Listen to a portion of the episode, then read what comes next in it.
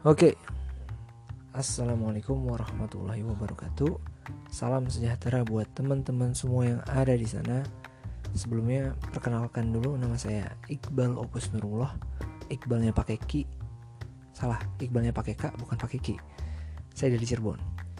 Di sini di segmen pertama ini saya pengen ngobrolin tentang tujuan dan perkenalan diri terlebih dahulu. Buat apa sih gitu podcast ini saya buat gitu. Di sini saya bakal ngomongin tentang hal-hal yang menurut saya menarik untuk dibahas, entah itu tentang pendidikan, politik, lingkungan dan kawan-kawannya. Yang menurut saya pribadi, yang pengennya saya pribadi itu yang sifatnya menyentuh ke arah yang informatif dan mungkin edukatif ya buat teman-teman semua gitu. Jadi mungkin kalau ada kekurangan-kekurangan teman-teman bisa kirim kritikan atau masukan teman-teman ke Instagram mungkin at opusn o p u s n atau ke Twitter OPUSN satu. Satunya pakai angka.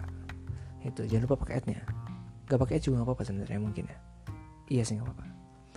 Atau bisa langsung ke emailnya gmailnya opusiqbal@gmail.com ya mungkin segitu aja dulu. Sampai ketemu di podcast berikutnya. Assalamualaikum warahmatullahi wabarakatuh